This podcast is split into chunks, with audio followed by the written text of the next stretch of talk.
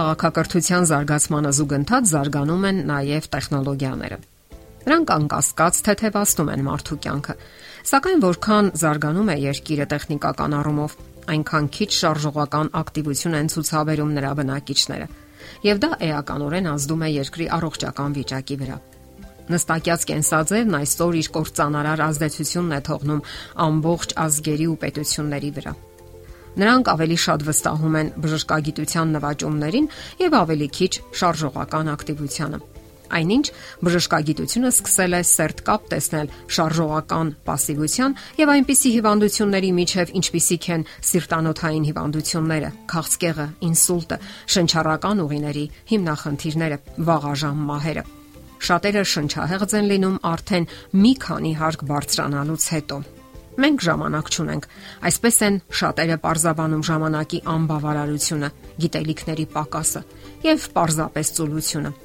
Սակայն այս բոլորը պատճառ չեն առողջությունը բարելավելու տարբեր հիանալի հնարավորություններից խուսափելու համար։ Պարզապես հարկավոր է դրանք ներառել ամենօրյա պարտականությունների շարքում, եւ այն աստիճանաբար կդառնա սովորություն եւ հաճույք կպատճառի ձեզ։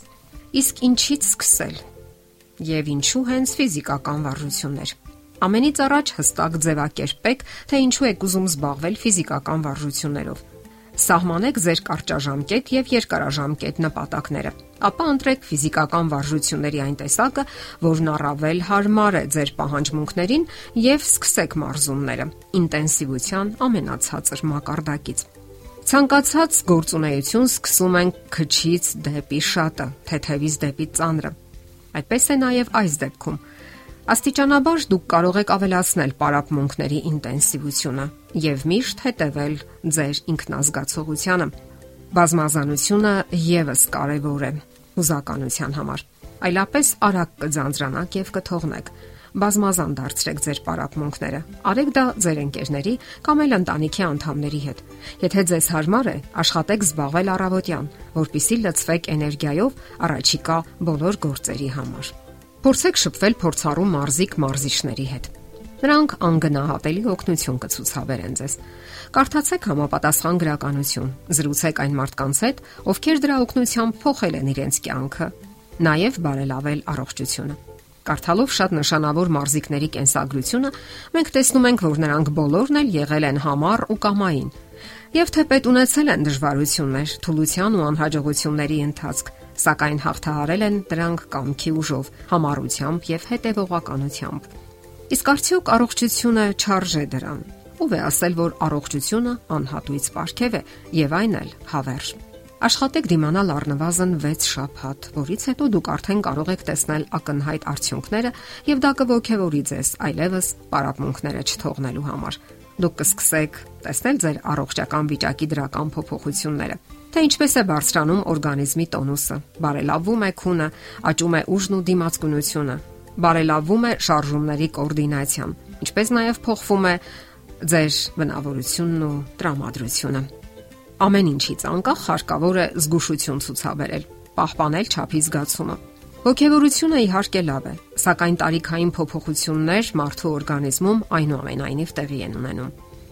Մարզումները հարկավոր է սկսել նախավարժանքով։ Դա տակածնում է մկանները, բարելավում արյան շրջանառությունը։ Հիմնական մարզումները ավարտեք աստիճանաբար։ Դանդաղ թուլացրեք տեմպը։ Ձեր մարզական հագուստը պետք է համապատասխանի տարվա եղանակին Դուք չպետք է կամ մրսեք, կամ չափազանց տակ լինեք։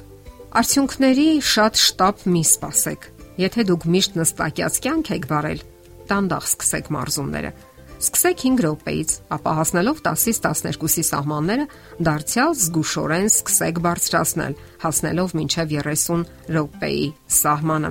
Որոշեք նաև մարզումների ինտենսիվության մակարդակը։ Ստուգեք ձեր pulse-ը 10 վայրկյանի ընթացքում։ Եթե արագ է, դանդաղեցրեք մարզումները։ Ոչ միշտ ապողականություն։ Դուք համաշխարային մրցումների չեք պատրաստվում եւ ոչ էլ ձեր նպատակը ռեկորդներ սահմանելն է։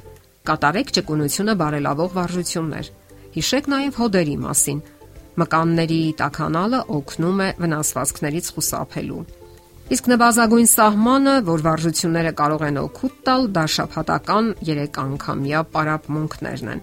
Ընդհանրապես շատ տարածված են քայլը եւ առողջարարական վազքը, Դրանք մեծ ջանքեր չեն պահանջում, հատկապես քայլքը, եւ ոչ էլ թանկ մարզահակոստի կարիք կա։ Առողջարարական թեթև վասկի դեպքում նվազագույն սահմանը, երբ օրգանիզմում դրական տեղաշարժեր են նկատվում, 18-ից 22 րոպեն է։ Իսկ ահա քայլքի դեպքում նվազագույն սահմանը 50-ից 70 րոպեն է։ Սակայն դրանց նույնպես հարկավոր է հասնել աստիճանաբար։ Եվ ձեզ համար բնաբան դարձրեք աշխարհահռչակ բրոնզկամարտիկ, աշխարհի բազմակի չեմպիոն Մոհամեդ Ալիի հետևյալ խոսքերը. Ես ատում էի մարզումների յուրաքանչյուր րոպեն, սակայն ինքս ինձ ասում էի՝ մի հանձնվիր, դիմացիր հիմա եւ քո մնացած ողջ կյանքը ապրիր որպես չեմպիոն։ Կարծում եմ, ուսանելի խոսքեր են։ Եթերում է առողջ ապրելակերպ հաղորդաշարը։ Ձեզ հետ է Գեղեցիկ Մարտիրոսյանը։ Հարցերի եւ առաջարկությունների դեպքում զանգահարեք 094 08 2093 հեռախոսահամարով։ Հետևեք մեզ hopmedia.am հասցեով։